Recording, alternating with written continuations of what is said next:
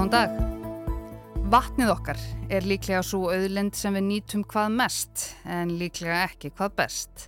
Við gætum lítið gert ánu þess en við eigum svo mikið af því að við komum fram við það eins og það sé óþrjótandi. Á veturna veltum við fyrir okkur hvort við eigum nóg af heitu vatni til þess að halda öllum 150 sundlugunum okkar opnum í 20 stega frosti og norðanátt helst langt fram á kvöld í öllum krumma sköðum og görgum mannrettindabrót eða stendur til að skerða aðeins opnunartíman. Og á sumrin dælum við vatninu út eins og enginn sé morgundagurinn.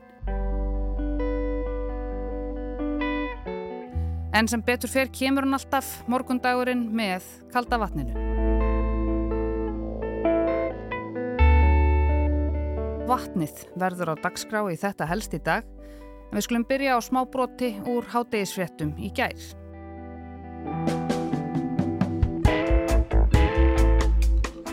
Heitavaslaust verður í öllum hafnafyrði og hluta af Garðabæ frá klukkan tíu í kvöld. Enduníun á stopplöfnum er samt stort og tímafrekt verk og það gerist ekki á hverjum degi sem við förum inn í svona stóra framkantir inn í grónum hverfum og erum með svona stóra lokanir. Fólki er bent á að hafa skrúað fyrir alla krana til að draga úr hættu á slísi eða tjóni þegar vatn kemst á að nýju. Í kvöld verða ásfallalög og söðurbæjalög opnar til nýju en ekki tíu eins og venjulega. Allar sundlögar bæjarins verða síðan lokaðar til hádegis á meðvíkudag. Og þetta var svo í fjórfréttum sama dag. Gríðarleg vassnótkun meldist í Hafnarfyrði í gær þegar aðgerðir slökkulegs stóðu sem hæst vegna elds í yðnaðarhúsnæði við kvalirarbraut, svo mesta sem sérst hefur. Eðlilegt reynsli um kaldavansæðarnar í Hafnarfyrði er um 200 til 220 lítrar á sekundu. Þegar slökkustarf stóð sem hæst í gær var renslið um það byrj helmingi meira eða rúmlega 300 lítra á sekundu. Svo er þetta í fréttunum í morgun. Kallt vatn fór af fósvogi og nágrenni á tíundatímanum í morgun. Samkvæmt upplýsingum frá veitum er búið að staðsetja lekan og íbúar austan megin kringlumýrarbröytar ættu að fá kallt vatn aftur fyrir hádegi. Nokkra stund geti tekið að ná fullum þrýstingi á kalda vatnið aftur. Svo var talað um vatn á morgunvaktinni í gerðmorgun. Það voru saðraði fréttir á dögunum að hlutur í vassfyrirtækinu Icelandic Water Holdings hefði verið seldur erlendum fjárfæstum. Stopnendur félagsins eru feðgarnir Kristján og Jón Ólafsson.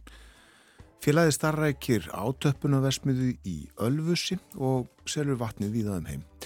Og þetta hefur gengið vel. Vassala getur verið ábætarsöm, mjög ábætarsöm, jável sem okkur kannski finnst svolítið skrítið en það skrúum við bara frá krananum heima og látum dýrindis vatnið renna í glas.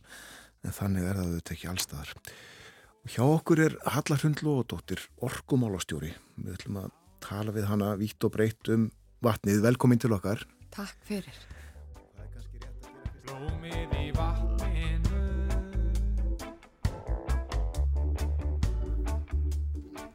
Ekki þóri ég að velta fyrir mér hvort þessi mikla vassumfjöllun tengist eitthvað ástímanum og gúrku uppskerunni svo ég ætla ekki að gera það en helstið hefur svo sannlega ekki látið sitt eftir liggja þegar að kemur að vatninu. Í desember síðastlinum bárust stundum fréttar af því að mögulega þyrti einmitt að skerða heitt vatn á höfuborgarsvæðinu og víðar ef veturinn reyndist kaldur, hann var kaldur. Sumar sundlugar lokuðu, okkur var sagt að hafa glugga lokaða og svoleiðis, það var nefnilega svo litið kalt muniði. Ragnhildur Tólasíus, hún vildi vita hvort heita vatnið okkar, auðlindin sem við erum svo stolt af og misnótum líklega flest, geti einfallega klárast. Hún vildi vita hvaðan það kæmi, hvert það væri að fara og hvað það einfallega væri. Hvaðan kom hann? Hvert er hann að fara? Hvað er hann? Sjáu þetta aftur! Hvaða kemur heita vatnið sem að rennur um opna meiri hluta þjóðarinnar þeirra sem búa á höfuborgarsvæðinu? Hvernig verður forgangsraðað ef það þarf að skerða heita vatnið? Þurfa íbúar í alvöru að skrúa niður í opnarum? Og þarf að virkja eða er nóg að fara sparlega með vatnið og nýta vinslusvæðin betur? Já, eða það. Það má vart á milli sjá hvort er heitara Alexander Pettersson þarna fyrir 13 árum gegn Pólandi. Eða vatnið okkar. En nú skulum við senda boltan á Ragnhildi. Kostinir við að búa á Íslandi eru margir, eða allavega nokkrir, í það minsta tveir. Hér ykkur friður og þó að hér geti verið kallt þá er að minnstakost ekki nærði því að dýrt að hita upp heimilið og viða annar staðar. Og nú þegar að aðrir Evropubúar með að þóla ofsalegar hækkanir á orkuverði og sjá fram á kaldan veturinn á heimilið sínum hafa Íslendingar geta ornað sér í huganum við vel heitan pottopp í hverju herbyggi. Ég vil hugsa sér gott til glóðarinnar með að sofa við galopin glugga beint fyrir ofan opnin þó að allt fari botn. Svo ekki sé minnst á heitapotta, hvort sem er í almenningssundlaug eða við sumabústaðin, jafnvel í huguleg heitum heima. Gnægð heitavatsins er svo samofinn í myndlandsins að Íslandsstofa notar þau í kynningarskinni á YouTube undir heitinu Green by Iceland. House heating accounts for 40% of global CO2 emissions. We must reduce heating emissions to reach our goals.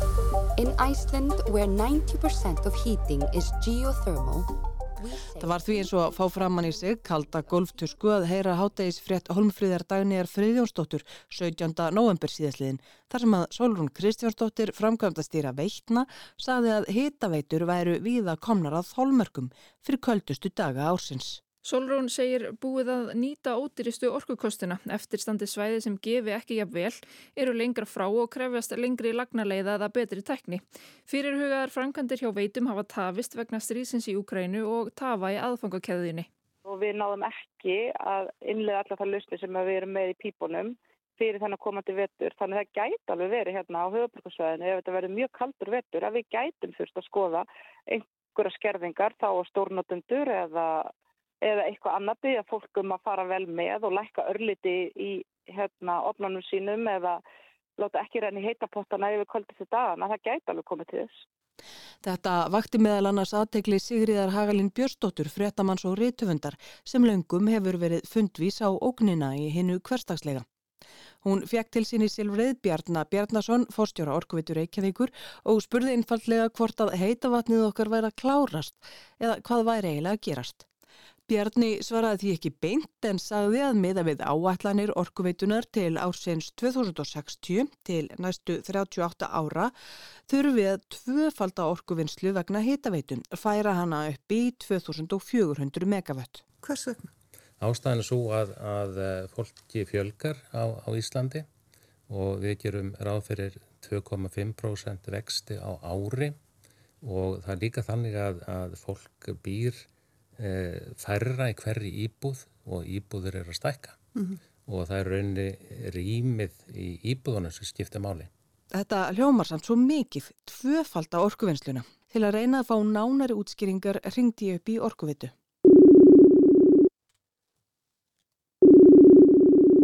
Ég heiti Hera Grímsdóttir og er framkvæmd að stýra rannsóknar nýsköpunar hjá orkuvitur Reykjavíkur. Þið vöktuð aðtekli á því um daginn Já, þið voru kannski svolítið að hnippa í fólk með það að það væri ekki endilega, að heita vatnið okkar væri ekki óþrjótandi öðlund. Þið töluðu um að það þyrti að -hmm. tvöfalda orkuvinnsluna vegna heita veitu. Mér finnst þetta svo, svo mikið, af hverju þarf að tvöfalda þetta á næstu 38 árum til 2060? Já, sko eitt af því sem við vorum að benda á er meðalans það að það er alltaf tala um að orkuskiptin í hús hitun sér lókið, þannig að orkuskiptin í rámaksframlegslu sé eftir þetta samgöngum og öðru, en við erum semst að benda það að semst jarðvarmi og vinslar því er líka orkuöflun. En orkan sem við erum að nota, hún er ekki endalus þetta er semst takmörkuð auðlind. Og ef við erum að segja þessi lókið þá erum við bara að horfa á púntstöðinni og hann er í dag. Og það sem hefur svo áhrif á eftirspyrnina það er til dæmis mannfjöldarspá, hvað verða margir hérna til x ára það eru íbúðar byggingar. Og sko hegðunarmynstur okkar er búið að breyta svo. Í gamla daga það voru kannski margir sem bygguð inn á hverju heimili, í dag eru færri íbúðar. Og aukningin helsvöldi bara í aukningu við, við, hérna, við rúmmetrana, darð íbúðana og það eru færri íbúðar inn á hverju íbúð. Þannig að við erum að sjá svolítið mikla eftirspurt og við erum svona raun að vera að metja þetta svolítið út frá því að við erum að sjá aukningin nótkun á síðustu árum er 120 lítrar á sekundu og það er einhvern veginn það sem er að samstæða sér í spá okkur um 2,4% með að við núverandi nótkunn. Þannig að við erum hugsaðum í dag bara um uppsett afhjá hýtavitinni þá er það 1200 megawatt og ef við erum að spá fyrir um 2,4% aukningu þá er það það sem við erum að sjá fyrir að verðum 2400 megawatt árið 2060. Samkvæmt heimasíðu veitna nota íslensk heimili árlega að jafnaði 4-5 tonn af heitu vatni á hvern fermetra húsnæðis. Það gera 4-500 tonn af heitu vatni á eina 100 fermetra íbúð á einu ári. Langstæsti hlutin, eða 90%, er notað til að hýta hýpilin upp, hitt fyrir að mestu í þref á fötum, leirtögi og kroppum. En eru í alvöru einhverja líkur á því að fólk verði beðið um að skrúfa niður í opnánum hjá sér á köldum dögum? Er þið ekki alltaf byrjað á að loka sundlög, herra Grímsdóttir? Jú, jú, sko. Ef við stöldrum að segja þessa spurningu, þess að mér hefur semst áhrif á eftirspurningum okkar, eins og ég talaði um það er mannfjöldarspáinn og svo er það bara veðrið. Og það er mikil óvisa í því og, og sko síðustu vetur, þá erum við búin að vera með frekar myllt viðfar og þá hefur virkjaður forði sem við eigum bara ráðið ágætlega við eftirspurnina. En ef við erum að horfa til langs tíma og ef við erum þá að setja inn þessa eftirspurnarsbá með eins og ég segi byggingar áform eða mannfjöldan og erum þá að para það saman við mögulega all toppar sem geta orðið, þar sé að hverju mögulega eftirspurn getur orðið eftir heitu vatni, þá er það sá virkjaði forði sem við höfum ágjörað, að við eigum ekki til nógum heitu vatni að mæta því og inn í þetta spilast svo alltaf hvernig veðrið verður. Þannig að síðustu ár þá höfum við verið svolítið bara í neðri mörkunum og ráðið alveg við þetta því að veðrið hefur verið freka myllt. Og ef við horfum bara núna veturinn í vetur, þá er náttúrulega búið að vera afskaplega myllt viður og november er búið að vera með endafum hlýr. Og þannig að við erum búin að sapna upp forða í láhutarsæðin okkar og við gerum það með svona sumarkvíl, þá erum við meira að keira á vatni frá háhutarsvæðinu mm. og getum kvílt láhutarsvæðin okkar. Þannig að vassbóli í láhutarsvæðinum okkar, það hefur aldrei verið herra. Ef það koma kvöldaköst í janúar, februar, þá erum við mjög vel hérna undirbúin fyrir það. Ef það kemur til skerðingar, þá erum við bara með viðbrags áallin. Og viðbrags áallinu fer svolítið eftir viðkvæmninni á starfseminni, eða hvernig starfsemi er á svæðinu, líka hvernig bara ástandi er á lögnunum, hvort að það sé viðkvæmur og annað. Fyrsta viðbrað væri alltaf ef það kæmi óvinni mikil eftirspurn og mikil kvildakast þá væri það að leita til samráðs við stórnundundur. Sem er eins og hér að sagði áðan til dæmis fiskjeldisfyrirtæki utan höfuborgarsvæðis eins og sundlugarnar. Um 90% heimila á Íslandir hituð með heitu vatni. Ef við skoðum höfuborgarsvæði þar sem að lang flestir búa má skipta því tvent. Þeim svæðum sem að fá jarðhita vatn og þeim sem fá upphitað virkjana vatn. Hverfin í Reykjavík, austan ellið áa og sveitarfélagin Hafnarfjörður Garðabær og Kópavúur fá virkjana vatn til húshitunar. Það er grunnvatn sem er hitað upp með gufu þegar að framletti ramagn í Nesjafællavirkjun og Hellisæðavirkjun. Íbúar og fyrirtæki í Reykjavík vestan ellið áa og í Mósfellsbæ fá jarðheita vatn úr láheitakerfum meðal annars frá Reykjalíð og Reykjum í Mósfellsbæ í nákvæmni við Reykjalund en líka úr borhólum á láheitasvæðum í ellið árdal og laugarnesunu og hér er talað um laugarnes í ansi viðri merkingum alveg söður að háaleitisbröð. Ef við sjáum fyrir okkur næstan ágrinni við laugardalinn til að mynda, förum í huganum að livju í lámúla og stöndum á tröppunum þar og horfum yfir bílastæðið, þá sjáum við hús með einni bórhólunni og það er önnur handan götunar á milli valhallar og kauphallarinnar. Önn önnur er fyrir neðan Suðurlandsbraut beint fyrir ofan nýtt sendir á bandaríkjana en einn nokkur metrum þar frá. Og það er bórhóla á efri hluta laugavegar á bílastæðinu til hliðar við bílaumbóðið heklu. Bórhólurnar á þessu svæði er í litlum en dálítið framúrstefnulegum mannverkjum upp úr þeim liðast gufa. Við brunum þarna framhjá að þess að leiða hugana því að þarna er okkar ólju dælt upp, heita vatninu. En vastaðan þarna djúft undir Malbygginu og gangbrutunum, undir Grand Hotel og lögutarsvellinum er ekki alltaf svo sama. Vatnið sem kemur frá lága háitarsvæðin, þau eru ólík efnafræðilega séð. Þannig við getum ekki blandað þeim saman. Þannig að veitur er í raun og veru í dag að reyka tvö dreifikerfi. Þannig að mismöndi svæg og höfuborgarsvæðin er að fá vatn og mismöndi áttum. Þannig að á sumrin, þá er minni eftirspurnin eftir heitu vatni, þá kvílu við láhættasvæðin okkar, sem eru þá eins og segir laugarnesið og reykjir og reykja hlýð og elladalur, þá kvílu við þau svæði og þá nær varsborðið að hækka og meðan erum við að keira bara húsittin meira á háutanum. Og þá erum við í raun og veru búin að auka við forðan okkar til að takast á við veturinn. Og þetta gekk alveg ótrúlega vel í sumar og svo eins og ég segja því að veturinn hefur verið góður þá er við, sko, við hefum aldrei verið með eins hátt vassból og við erum eins góður í stuðu hvað það var það með lágættisvæðin okkar mm. En svo ef það kæmi rosa mikið kuldakast og við myndum bara verið í vandræða með lágutarsvæða okkar, þá gætu við aukið aflið frá háutarsvæðanum og það er bara gert með því að minka ramagsframleiðsluna örlítið og þá hækku við hýtast í það vatninu sem kemur það eða orku innhaldið. Þannig að við erum með allskynns leiðir til þess að, hérna, að bæða bæta kerfið og, og, og við erum alltaf að vakta og, og lesa fram í tíma sko.